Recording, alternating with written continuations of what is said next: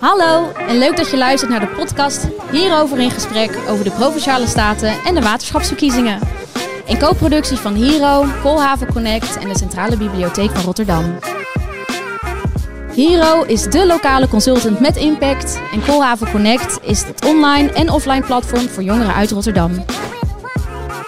Er worden nu lijsttrekkersdebatten georganiseerd voor de Eerste Kamer, terwijl eigenlijk een groot gedeelte van de jongeren in Nederland helemaal geen idee heeft waar deze verkiezingen over gaan. Uh, daarom gaat Mark Damen, consultant bij Hero, in gesprek met al tafelgasten over wat de provincie eigenlijk doet, wat de waterschappen inhoudt en waarom je eigenlijk moet gaan stemmen 15 maart.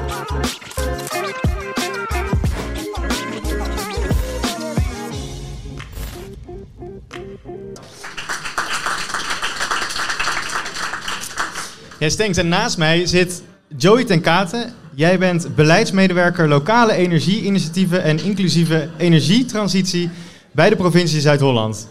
Een hele yes. vol. Uh, in het kort, wat doe je precies? Nou, ik zit heel de dag op mijn laptop. Nee, dat is, uh, dat is gek werk. Ik uh, ben bezig met beleid rondom lokale bewonersinitiatieven. Dus dat zijn energiecoöperaties, warmteinitiatieven, vooral heel veel bewoners die zelf gaan organiseren in de energietransitie. En die probeer ik vanuit beleid te ondersteunen met financiering, uh, met vraagstukken rondom verzekeringen, met vraagstukken rondom juridische aspecten van het oprichten en het uh, draaien van projecten in de energietransitie. Um, en daarnaast ben ik bezig om uh, samen met gemeenten en die lokale initiatieven te kijken hoe we de energietransitie wat inclusiever kunnen maken. Dus nu is het vooral de man met de baard die bezig is met de energietransitie. Uh, maar vooral bij de energiecoöperaties ook de wat oudere mannen. Uh, alle respect daarvoor, want die steken er heel veel tijd en energie in. Maar hoe kunnen we nou zorgen dat de mensen die het wat minder aangaat... en die ook heel erg veel last hebben gehad nu van de energiecrisis... wat meer mee gaan doen met de energietransitie en daar ook van gaan profiteren. Uh, dus dat is waar ik vanuit de provincie aandacht aan besteed. Cool, oké. Nou ja, we gaan het zo nog verder hebben over um, wat je precies doet. We gaan het ook hebben over hoe de provincie nou eigenlijk georganiseerd is. Uh, en wat dan ook het verschil is met, je noemde het al, de gemeente, maar ook met, uh, met de landelijke politiek. Um, en we hebben afgesproken, we gaan geen, uh, geen stemadvies geven. Maar het gaat hier natuurlijk wel over de verkiezingen. en er zijn hier een heel aantal politici in de zaal. En we, die komen ook wel aan het woord. We hebben hen gevraagd om straks een pitch te geven. Maar ja, we er is niet super. We, we hebben per aflevering um, ruimte voor, voor drie partijen. We dachten, we gaan onze vingers er niet aan branden om te kiezen welke wel, welke niet. Dus we hebben hier een, eh, een grabbelton. Daar gaan we straks uit grabbelen en dan uh, zien we wie, een, wie er een pitch kan geven.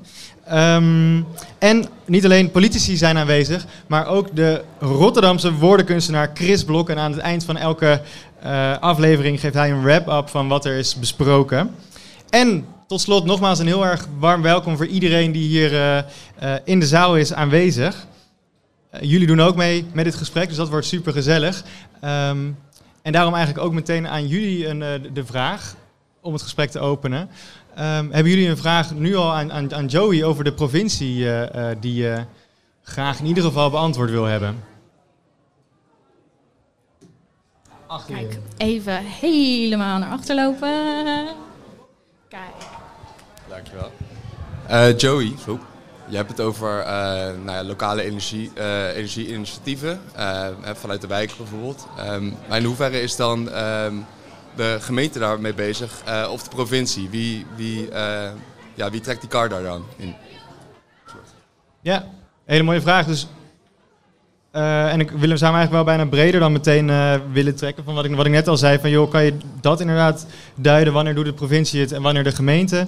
Um, en dan ook wanneer de landelijke overheid is. Ja. Zal ik daar gewoon mee beginnen?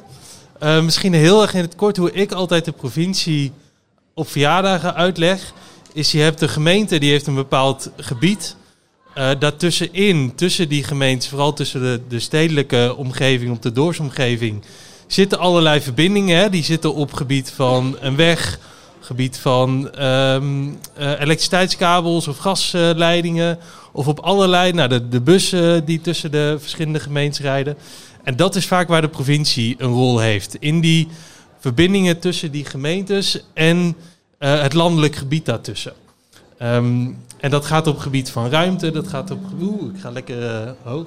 Nou, op gebied van ruimte hebben we daar een, eh, een bepaald kader waarop wij toetsen. Dus we kijken van, is het ruimtelijk mogelijk? Past dit met alle andere belangen die er spelen op gebied van wonen of op gebied van, ehm, van natuur? En dan gaan wij heel erg toetsen van, wat, wat past er dan? Ehm, dus dat is echt onze wettelijke taak op die ruimtelijke inpassing. Nou, dat klinkt lekker vaag. Ehm, en dan komt nog het allervaagste, en dat is het middenbestuur wat de provincie is. Dus je hebt het Rijk wat erboven hangt, wat met nationale plannen komt en met nationale wetgeving. De gemeente die dat probeert uit te voeren voor de gemeente en daar ook met een eigen wet en regelgeving is. En de provincie die daartussen hangt. En die rol is dan ook vaak heel erg zoeken, wat die, wat die rol dan ook is. En dat hangt heel erg samen met waar de provinciale staat en de gedeputeerde staat, dus waar jullie op mogen stemmen, welke rol die willen aannemen en waar die belang aan hechten.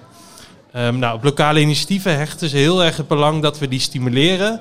En dat we het ook mogelijk maken dat zij kunnen doen wat ze willen doen om projecten te realiseren. En daarin zijn we dus een facilitator en een aanjager. Nou, dat klinkt allemaal weer heel leuk. Wat betekent dat dan? Nou, één ding is dat wij met subsidies de lokale initiatieven proberen te helpen om hun projecten te realiseren. Dus dat is zowel in de voorbereidingsfase als in de realisatiefase dat ze financiering hebben om die projecten mogelijk te maken. Nou, misschien nog heel even kort, wat voor projecten zijn dat dan? Helpt dat? Als ik dat even uitleg. Heel, heel snel. Dat gaat dus om uh, um, zonderdakprojecten waarbij uh, de energiecoöperatie het mogelijk maakt voor mensen in de omgeving om lid te worden van die coöperatie. En dus ook mee te doen met dat zonderdakproject. En dat helpt als jij zelf geen eigen dak hebt. Of het veel te veel moeite is voor jou om te investeren in dat dak. Omdat het een schuin dak is of een slechte dakconstructie.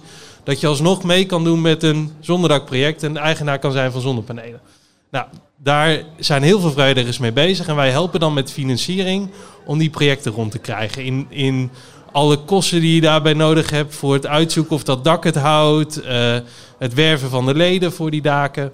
Um, en zo op allerlei gebieden helpen we de lokale initiatieven met die financiering. En daarnaast organiseren we evenementen voor die initiatieven om kennis uit te wisselen. Dus we hebben een regionaal projectbureau Energie Samen Zuid-Holland die daarin faciliteert uh, op het gebied van verzekeringen, op het gebied van uh, business case, op het gebied van ledenwerving. En ook op het gebied hoe kun je als energiecoöperatie veel inclusiever zijn dan je nu bent. Hoe kun je mensen met een kleine beurs bijvoorbeeld ook betrekken bij het project, zodat zij ook mee kunnen doen. Nou. Maar dat, dat kan de gemeente ook prima doen, toch? Waar is dan de provincie voor nodig? Ja, de gemeente kan dat in principe ook prima doen. Maar vaak hebben de gemeentes ook hulp nodig met die financiering. Trekken ze niet de volledige portemonnee ervoor. En hebben die energiecoöperaties of die initiatieven net wat dat stapje extra nodig. Daar kan de provincie bij helpen. En daarnaast zitten heel veel budgetten die de gemeente hebben vast in de uh, verantwoording die ze aan het Rijk moeten afleggen. Want zij krijgen heel vaak geld van het Rijk voor de plannen die ze daar verzinnen, om die op gemeentelijk niveau uit te voeren. Nou, en dan is het voor sommige gemeenten heel lastig, vooral voor de kleine gemeentes, om die begroting rond te krijgen en daardoor ook ruimte voor die lokale initiatieven te creëren. En daar kunnen wij bij uh, helpen als provincie, om net dat gat te dichten, zodat er net wat meer mogelijk is om die lokale projecten uit de grond te trekken. Ja, want ik heb, ik heb het even opgezocht. De begroting eh, van de provincie Zuid-Holland van, uh, ik denk dit jaar. En voor schone energie voor iedereen is er, weet jij het? 28,5 miljoen euro uh, gereserveerd. Ja. Uh, waar komt al dat geld vandaan? Ja, dus, dus oeh jee.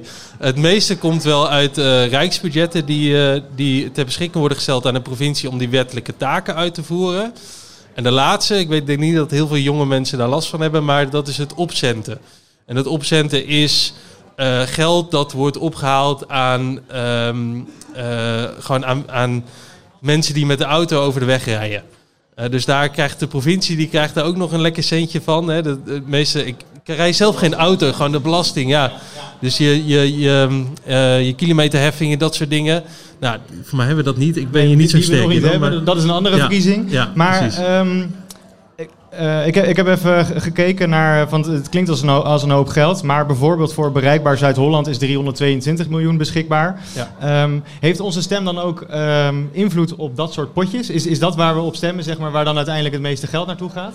Ja, dat heeft wel degelijk invloed op in hoe bepaalde partijen die belangen van bijvoorbeeld het investeren in wegen of juist het investeren in groen, natuur, hoe ze dat wegen in uh, de begroting. Dus uiteindelijk komt er natuurlijk een, net zoals bij de Tweede Kamer en bij de gemeenteraad, komt er een coalitie en die gaat een voorstel doen aan de staten waar al het geld naartoe moet en hoe die verdeling plaatsvindt. Dus of ze het belangrijker vinden dat we in um, fietsverkeer investeren, of juist in autoverkeer, of juist meer in energie. En zo wegen zij wat zij belangrijk vinden aan de hand van natuurlijk de politieke voorkeur en de onderhandelingen die dan plaatsvinden tussen die. Uh, tussen ja. die dus oké, dus in dit, dit, soort subsidiepotjes is de provincie ook ondersteunend en faciliterend voor de gemeentes.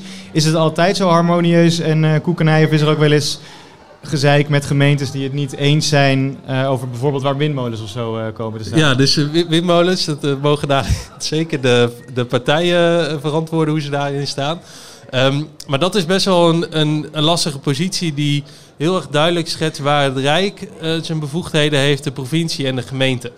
Um, dus het Rijk die stelt natuurlijk plannen op, welke doelstelling moeten we halen qua megawatt die we gaan opwekken.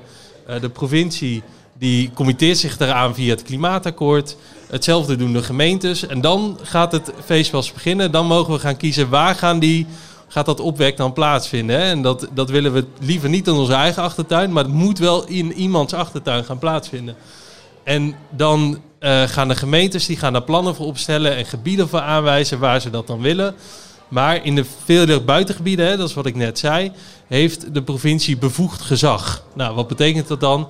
als er een vergunning, een omgevingsvergunning wordt aangevraagd, dus mag ik daar die windturbine neerzetten, uh, dan heeft de provincie in principe boven de 5 megawatt, dus dat is boven één enkele windturbine vaak, heeft de provincie het bevoegd gezag om te zeggen, nou dat mag hier onder deze en deze voorwaarden.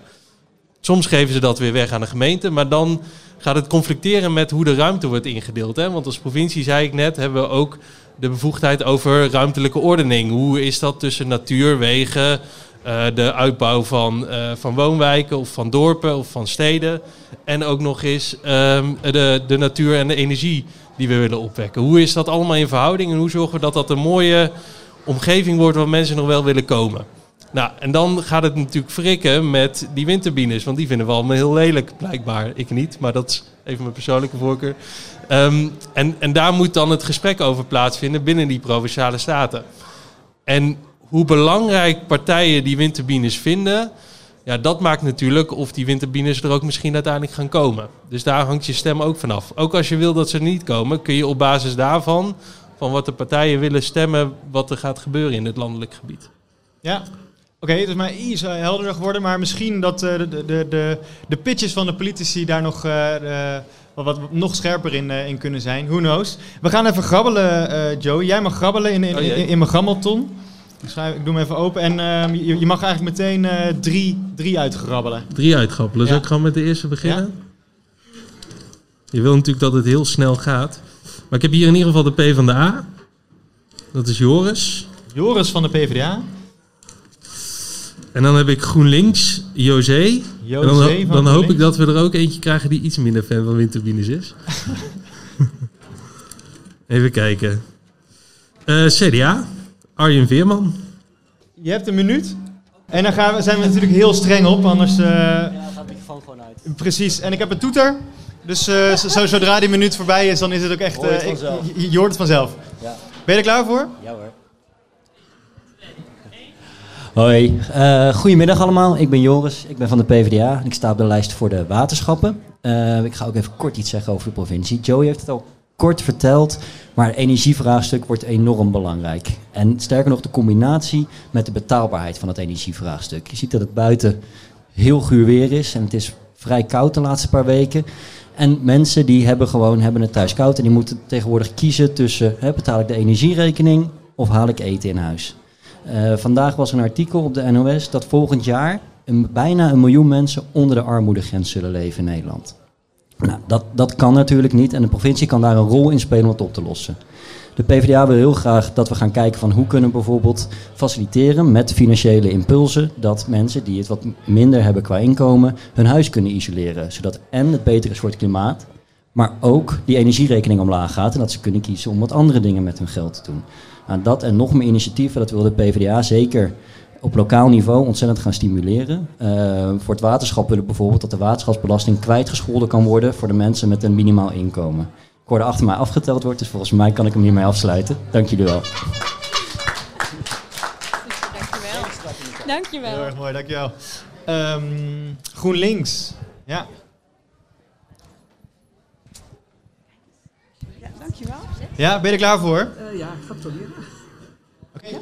Oké, nou ik ben José, José Chung. Ik sta op de lijst voor GroenLinks voor de Provinciale Staten. Je ziet, ik ben niet de jongste meer. Ik ben definitief en officieel bejaard. Maar ik ben nog steeds wel heel enthousiast om allerlei dingen te doen. En ik heb me op de lijst laten zetten, niet op een verkiesbare plaats, maar wel om te kunnen helpen bij belangrijke dingen om als commissielid dingen uit te zoeken. Bijvoorbeeld energietransitie, uh, mobiliteit, woningen. Maakt mij niet zoveel uit. Ik heb vroeger in de Staten gezeten. Ik weet wat er ongeveer verwacht wordt van me. Ik weet ook hoeveel tijd het kost. En vandaar, als bejaarde heb je niet zoveel tijd. Dus uh, ga ik uh, proberen mij op die manier in te zetten om te helpen. Als GroenLinks vinden we het natuurlijk heel belangrijk dat er uh, uh, uh, groene energie wordt gedaan. Dus we zijn heel erg voor het plaatsen van windmolens. En die hoeven niet altijd even groot te zijn. Er zijn ook kleinere. Ik woon zelf in het platteland, op het platteland. En daar zijn we nu bezig met te kijken naar mogelijkheden om wat kleinere windturbines op de plaatsen bij boeren neer te zetten. Dankjewel. Dankjewel. En tot slot, CDA. Hoi, ik ben Arjen Veerman van het CDA. Ik ben 26 jaar en ik sta op plek 4 voor de lijst voor de Provinciale Staten. Uh, voor mij is er één hele duidelijke ambitie waarom ik de Provinciale Staten in zou willen gaan. En dat is eigenlijk heel simpel. De thema's waar het nu echt om gaat voor onze generatie spelen in de provincie. Of het hebben over uh, de nieuwbouw van woningen, of openbaar vervoer, of de energietransitie, uh, sterk milieu, de stikstofcrisis. liggen allemaal hier. Dus het is belangrijker dan ooit om te stemmen voor deze Provinciale Staten. En ja, de reden dat ik heb gesolliciteerd is heel simpel. Uh, ik zie als jongere heel veel dingen fout gaan. En ik maakte mij zorgen. En ik heb ook in mijn brief aan het CDA geschreven: hey jongens, mijn generatie ziet een toekomst voor de neus afbrokkelen vanwege keuzes die gemaakt worden, die op decennia lang gemaakt worden. En het moet nu anders over de hele breedte van de politiek. En ik heb mijn vrouw gevraagd: als ik dit doe, uh, wat gebeurt er dan? En zij zei, je krijgt een verkiesbare plek of je kansen zijn voorbij. Dus ik heb de brief ingediend en ik sta op plek 4. Dus die verandering is ook gewenst binnen mijn partij. Ja, ik kan hier denk ik nog heel lang over doorpraten, maar die tijd hebben we helaas niet. Um, Joey, ik heb nog één vraag. Ik hoorde al even iemand wat over uh, energiearmoede zeggen. Nu las ik in het nieuws uh, dat ze in Drenthe en Groningen en Utrecht hebben het al... wordt onderzocht of het verstandig is om een provinciaal energiebedrijf op te richten. Helpt dat bijvoorbeeld daarin? Wat is het probleem van energiearmoede en wat kan de provincie daarmee doen? Dat is denk ik een betere vraag dan een provinciaal energiebedrijf. Want dat, uh, dan zijn we nog even bezig. Um, nee, kijk, de gemeentes die krijgen allemaal geld vanuit het Rijk om te helpen bij uh, bewoners met een lage inkomen en met een hoge energierekening om te verduurzamen. En wat wij zien is dat al die gemeentes opnieuw het wiel aan het uitvinden zijn.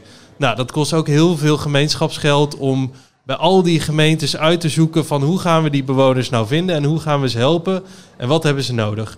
Dus daar kan de provincie naar, naar ons idee een hele grote rol spelen door daar de verbinding tussen te creëren. Zodat ze met elkaar uit gaan wisselen wat ze aan het doen zijn, hoe ze dat doen. En als provincie hebben we ook net iets meer de tijd om een stapje verder te kijken. Dus ook om te kijken hoe ze naast het isoleren ook mee kunnen doen met opwek um, en bewustwording. En dat ze kunnen profiteren van al het andere wat er nog gebeurt op de energietransitie. Uh, daarnaast zijn we ook de verbinder met het Rijk. Um, we hebben een landelijk energiearmoedeprogramma opgericht samen met TNO en drie ministeries en de provincie Noord-Holland. Waarbij we de kennis en alles wat er gebeurt op gemeentelijk niveau proberen te verbinden aan de plannen die ze hebben op rijksniveau. Zodat we daar een veel betere verbinding met uh, het Rijk, wat vaak wel ver afstaat van bewoners en van de gemeente, um, toch wat meer kennis en ervaring daarin te brengen, zodat zij de plannen voor de toekomst en hoe ze omgaan met eh, mensen met een laag inkomen kunnen helpen met die energiebesparing en die energieisolatie. Ehm, en dat geldt ook voor woningcorporaties, hoe we die op een meer provinciaal niveau kunnen ontsluiten qua kennis en qua kunde en qua ervaring. Zo hebben we laatst als provincie een dak geopend met een woningcorporatie. ehm, waarbij de bewoners eigenaar zijn van de zonnepanelen die erop liggen. En op die manier hun energierekening omlaag brengen, omdat ze daarmee profiteren van de zonnestroom die er wordt opgewekt. Nou, en dat verder brengen met andere gemeentes, met andere woningcorporaties, is een rol die de provincie heel goed eh, toebedeeld is, denk ik. Tof, Joey, heel erg bedankt. Ik heb in ieder geval even wat beter begrip van, oké, wat, wat doen jullie nou eigenlijk in plaats van vooral de politieke one-liners. Dus heel erg bedankt daarvoor. Blijf vooral ook lekker hangen om eh, nog na te praten. Ehm, bedankt ook voor de, voor, voor, de, voor de pitches, de vraag uit het publiek.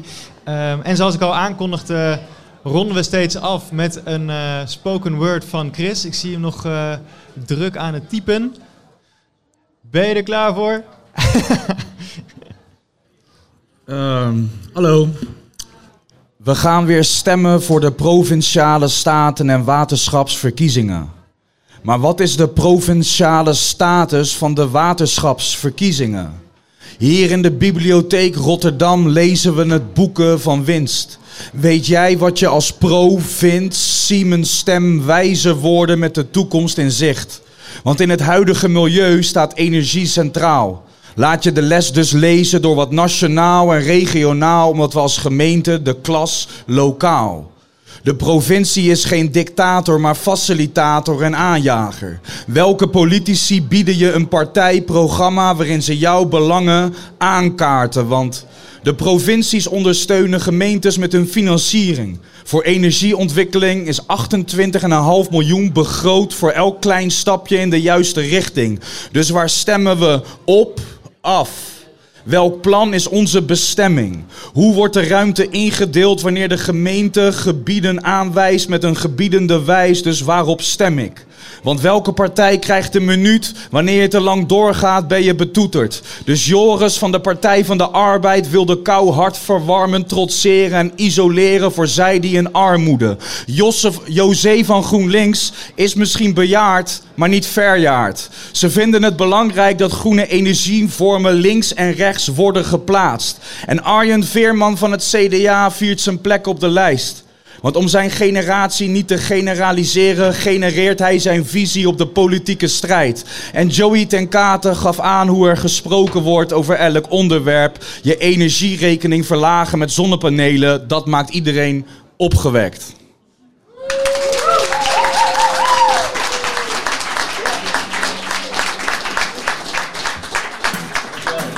Leuk dat je luistert naar de eerste van de drie afleveringen hierover in gesprek over de provinciale staten en de waterschapsverkiezingen. We horen graag wat je ervan vond door een reactie achter te laten in de comments of een DM op de Insta van Hero Rotterdam of Koolhaven Connect. Top. Ja, daar is mijn volgende gast eh, aangeschoven. Nildert van Laar. Je bent de educatieadviseur van Hoogheemraadschap van Schieland en de Krimpende Waard. Welkom. Nildert, een Hoogheemraadschap, hoe zitten we dat? Want, eh, hoe zit dat? Want we gaan toch stemmen op de waterschappen? Ja, dat is een goede vraag. Eh, waterschappen, ik, ik zou zeggen, dat is mijn persoonlijke mening, maar die term hoogheemraadschappen die kan er voor mij eh, af, want het is hetzelfde. Het is alleen zo dat hoogheemraadschappen zijn hele oude organisaties. Hè, die, eh, wij bestaan zelfs al hon- 750 jaar bij Schieland en de Krimpenemaar. En dan mag je je titel eh, hoogheemraadschap noemen. Maar in feite zijn we ook gewoon waterschappen. Dus bij deze waterschap, dankjewel. Eh nou, we gaan het straks nog verder hebben over wat je doet, eh, hoe het is georganiseerd eh, en ook welke keuzes er eh, uit, eh, uiteraard te maken zijn. Eh, nou, ook wederom, wij gaan geen stemadvies geven. Dat laten we aan de politici over. Jij gaat weer grabbelen. Ehm, uiteraard wordt het ook weer afgesloten met Chris Blok. Ehm, en wederom een warm welkom aan, eh, aan, aan iedereen in de zaal. Ehm, we doen ook met jullie dit gesprek, dus ik ben eigenlijk meteen wederom benieuwd. Wie heeft, eh, wie heeft de eerste openingsvraag aan Nildert over dus de waterschappen? Yes, dankjewel. Ehm nou, ik begreep dus dat waterschap en hoogheemraadschap eigenlijk hetzelfde zijn. Maar wat doen de waterschappen of de ho hoogheemraadschappen nou eigenlijk? Zeg maar inhoudelijk gezien. Ja, dit is een vraag die ik, eh, die ik best vaak krijg. Hè. Eh, waterschap die, die moet vaak nog uitleggen waar ze eigenlijk eh, voor zijn of wat ze doen. En een terechte vraag. Ik moet eerlijk zeggen, toen ik ja, nog, nog niet bij het waterschap werkte, wist ik ook niet zo heel goed hoe en wat. Maar dat ze belangrijk zijn, wist ik wel. En, en ik, ja, het eigenlijk in heel kort is het droge voeten, schoon water en voldoende water. Dat is wat we, wat we regelen. Eh, dus eh, ja, laat ik het zo zeggen, zonder waterschap zou hier eh, alles onder water staan. We leven hier onder NAP en we, we, we houden het water, hoogwater tegen via dijken, met dijken en duinen. En het water wat er valt, dat pompen we weg met gemalen. Dus dat is, dat is eigenlijk het belangrijkste, dat we hier droge voeten houden. Daarnaast schoon water, dan gaat het over alle afvalwater. Dus als u naar het toilet gaat, als u doucht, gewoon huishoudelijk water gebruikt, dat komt in het riool en dat maken we schoon. Als het eenmaal schoon is, dan gaat het naar de rivier. Eh, dus daar eh, zorgen wij voor als waterschappen. En eh, tot slot ook zorgen voor de kwaliteit van het, van het oppervlaktewater. Dus nou ja, bijvoorbeeld, we hebben soms problemen met blauwalg. Hoe kunnen we daar, hoe kunnen we daar oplossingen tegen vinden? Dus dat zijn taken die we doen. Ja, en dan misschien nog goed om te zeggen voldoende water ook. Hè? Want we hebben droogte en wateroverlast. Het is nooit tegelijkertijd natuurlijk. Maar de ene keer dan moeten we zorgen dat we juist water inlaten vanuit de rivier. Om te zorgen dat, eh, dat er genoeg water is in de polders. En een ander moment hebben we juist eh, te veel water en dan pompen we het juist eh, weg. Dus, en door klimaatverandering zijn die beide extremen komen steeds vaker voor. Dus het is harder werken voor het waterschap dan ooit misschien wel. Ja. En voor jou? En, eh, Of ja. valt het mee? Nou ja, ik, ik zit niet bij de pompen, bij de gemalen of in de zuiveringen. Dus dat is, eh, Jij dat is maakt jezelf gemakkelijk. Ja, ik, eh, ik werk als educatieadviseur.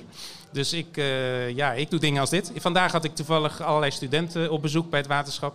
Studenten watermanagement, studenten leraaropleiding aardrijkskunde. Om ze ook mee te geven van ja, wat doen we als, als waterschap en waarom zijn ze belangrijk. Ja, want waarom doen de waterschappen het en waarom niet de provincie? Ja, dat, eh, kijk, waterschappen. Allereerst, eh, waterschappen zijn 750 jaar oud. Dus het is een hele oude eh, politieke organisatie. En die, die, die, die heeft een speciale afgebakende taak, het waterbeheer.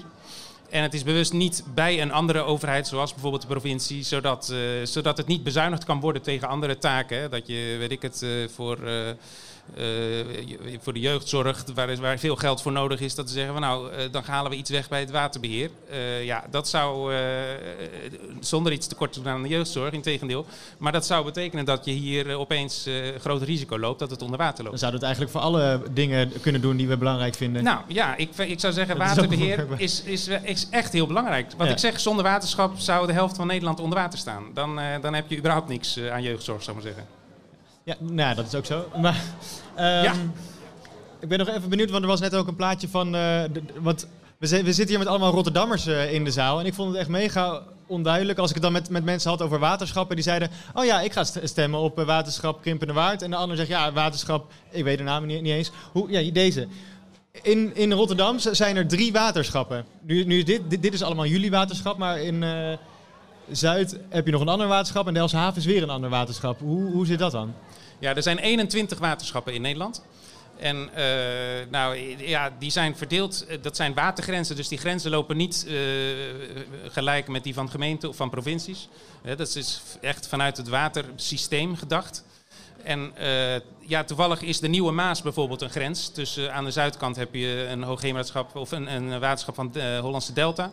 En ten noorden van de Maas heb je de grens, de Schie. Die is weer de grens van ons waterschap met Delfland. Dus ja, dat zijn weer andere grenzen. En toevallig heb je dan in Rotterdam drie waterschappen. Ja, dus dat is wel een beetje vervelend. Maar eh, ik kan me voorstellen dat mensen misschien bij een stemlokaal komen en toch weggestuurd worden. Ja, je moet toch naar een andere, want daar, eh, daar, is, daar is het waterschap waar u woont. Ja. Ja, want op, op wie gaan we eigenlijk stemmen? Niet op jou dus.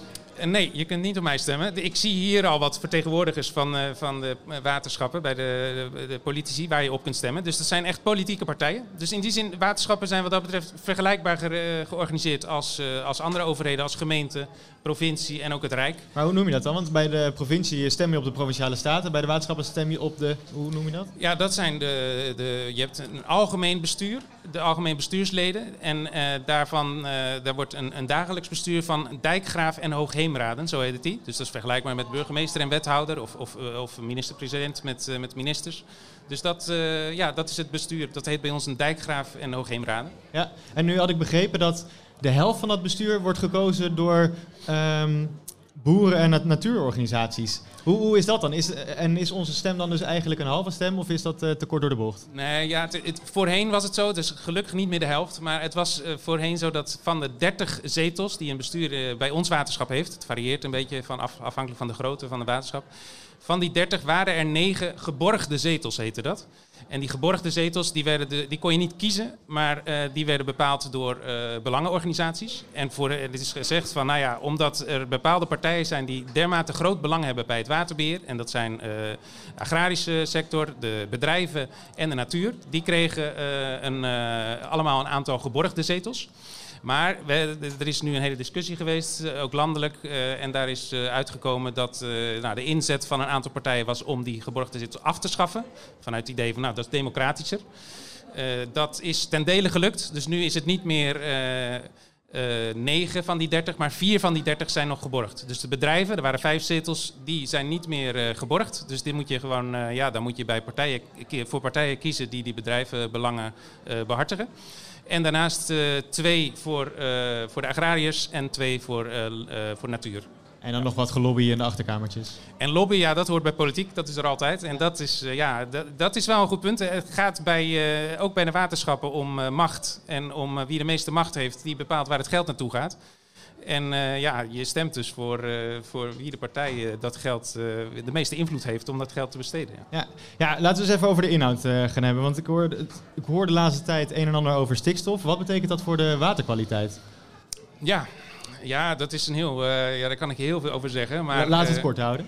Nou ja, het is zo dat in, dat is niet, vind ik niet eh, prettig om te zeggen, maar in Nederland is de waterkwaliteit het slechtste van heel Europa. Hè? Dus als het gaat over het oppervlaktewater, ik heb het niet over drinkwater, dat is optimaal, dat is perfect zelfs in Nederland. Maar eh, het oppervlaktewater, dus sloten, plassen, eh, nergens in Europa eh, voldoet het water zo slecht aan de kaderrichtlijn water. Dat is Europese normen die, die we gesteld hebben. Dus daarin scoort Nederland heel slecht. Nou ja, en daar zijn meerdere oorzaken voor. Maar het is wel duidelijk dat ook de agrarische sector daar een groot... Nergens ter wereld is er zo'n intensief gebruik van ons land. En daar, eh, nou ja, daar, dat heeft ook zijn weerslag op de waterkwaliteit. Ja. Dus dat is een uitdaging voor waterschappen. Ja, maar dat is, dat is een keuze die je kan maken als je wil gaan stemmen van oké, willen we superkwaliteit water of gewoon oké kwaliteit water, begreep ik. Andere keuze is dus kwantiteit, hè, dus de hoeveelheid water. Gaan we enorm hoge dijken bouwen en het water volledig controleren of laten we het ook af en toe een beetje overstromen? Ja, Moeten nee, we ons precies. zorgen maken in, eh, in, in Zuid-Holland hoeveel we laten overstromen? Nou ja, het is, het is wel zo dat we zitten eh, in ons gebied, hè, de Zuidplaspolder, dat is de laagste punt van Nederland, hè, bijna 7 meter onder NAP. Eh, daar is nu besloten, daar wordt een, eh, een, een nieuwbouw, eh, een, een, een dorp, het vijfde dorp heet dat, wordt daar gebouwd. Nou, er zijn partijen die daar tegen zijn. Die zeggen, nou ja, dat is wel een risico op zo'n laag gebied. De druk van het water die is daar heel groot. Dus nou ja, andere partijen zeggen, nee, er is echt een heel groot woningtekort, dus er moet echt gebouwd worden. En nou, daar is ruimte, dus nou, daar wordt dan over gesproken. Dus dat zijn inderdaad goede vragen. Belangrijk is wel ook de vraag van waar ja, gaan we... Het is wel een feit dat we als waterschap steeds meer rekening moeten houden van... er komt steeds meer water en die, dat water zal een plek moeten krijgen. Dus we moeten ook gebieden in gaan richten eh, waar water tijdelijk dan wel eh, eh, permanent de ruimte krijgt. En dat zal ten koste gaan van andere, andere belangen natuurlijk. Dus dat soort keuzes zijn wel, die liggen nu wel eh, voorhanden. Ja. Er is wel echt een keuze te maken. Ja, we moeten echt wel ja. gaan stemmen. Ja. Nou, over dat stemmen gesproken. Ehm, het is weer tijd om te grabbelen. Oeh. In de, uit de grabbelton, er is nog wat over. Pakken we er meteen drie. En de eerste is Ik heb hier Lisanne van Damme, D66. D66, Lisanne. En eh, Marielle de Jong, BBB. En tot slot Jorinde Wilbrink, VVD. D66, BBB en VVD. Yes. Ja, ik dacht dus dat het al voorbij was, dat er maar drie pitches waren. Maar hartstikke leuk. Ik ben Lisanne van Damme. Ik ben 25 jaar. Ik ben nog student sociale geografie en bestuurskunde. En ik eh, sta op de lijst voor D66 op plek 2. Eh, wat ik wil doen is in ieder geval, we zitten in een klimaatcrisis. Dus we moeten echt een slag gaan maken met elkaar. We moeten eh, de haven inzetten op meer waterstof. Daarnaast moet de mobiliteit, dat mobiliteit toegankelijk is voor iedereen en overal. Dus inzetten op openbaar vervoer. En we moeten inzetten op meer woningen. Ik ben zelf student, ik woon in een studentenwoning. Op een gegeven moment moet ik eruit. En ik heb geen idee wat ik dan moet doen. Er zijn gewoon te weinig starterswoningen. Dus daarop wil ik me ook echt inzetten. Dank jullie wel. Oh, binnen een minuut. Dankjewel. Marielle, is de politiek niet wat voor jou? Politiek? Nee. Nee, niet de politiek. Ik wil daadkracht. Ik wil actie. Ik wil visie verbinden met echte mooie projecten. Totdat daar de BBB kwam en ik naar hun kernwaarden keek. Neighborschap. Zorg voor elkaar. De gulden regel. Behandel iedereen zoals je zelf wil dat je behandeld wordt. Authenticiteit. Wees jezelf. En professioneel. Ga voor het algemeen belang. Daarom sta ik hier nu. En mag ik de BBB gaan vertegenwoordigen voor Schieland en Krimpenerwaard. Lijst 11, plekje 2.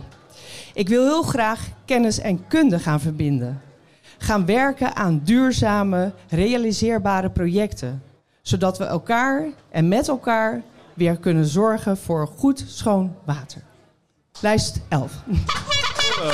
Precies in de minuut. Dankjewel. En tot slot de VVD. Hoi, mijn naam is Jorinde. Ehm, ik woon in Rotterdam, eh, op Katendrecht. Eh, dus dat is het waterschap Hollandse Delta. En daar ben ik ook kandidaat voor, als mede voor de provincie. Eh, en in mijn werk hou ik me eigenlijk elke dag bezig met start-ups, met innovatie, met ondernemers. En juist dat wil ik heel erg in de politiek brengen.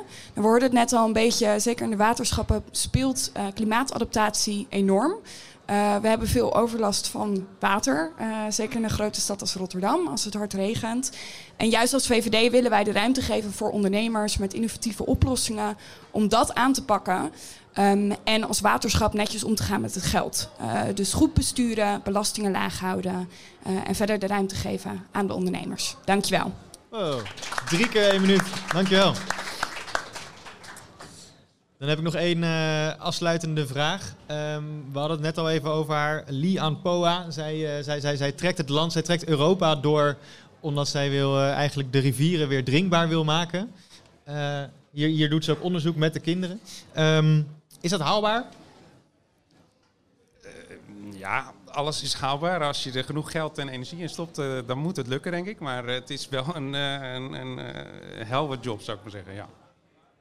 Maar je ziet het nog wel... eh, Nee, ja, ik denk dat... eh, ik ben geen politicus, maar volgens mij moet je altijd ook eh, ergens in geloven. En er, als, je, als iedereen hier zi- zich voor inzet, dan, dan moet het te doen zijn, ja. Ja. Alleen, de, ja, er- moet wel heel veel gebeuren voordat het zover is. Daar, zo ook een keuze die je kan maken. Nou, als er maar drinkbaar water uit de kranen komt, dat Ja. so far so goed. Oké, heel erg bedankt. Leendert. En dan sluiten we weer af eh, met woordenkunstenaar Chris Blok. Ehm, even kijken hoor.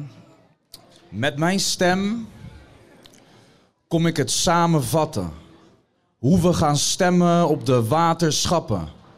En wat doen ze nou eigenlijk, is wat de mensen vragen van je. De antwoorden zullen rechtlijnig bij het water passen. Want ze zorgen dat we niet nog een keer overstromen zoals een 53. En er wordt in ons klimaat gemeten hoe we het water in de zeeën en rivieren peilen. Met 21 waterschappen schieten we niets op met mazen in de wetten. We willen allemaal onze schaapjes op het droge in plaats van nat achter de oren tijdens het stemmen. Want wie krijgt de zetels? Ja, kennis is macht. Wie lobbyt er als een machtige kennis? En wie geeft lobby als liefde aan de mensen in onze stad? Want de herinneringen van een overstroming zijn misschien een beetje verwaterd echt.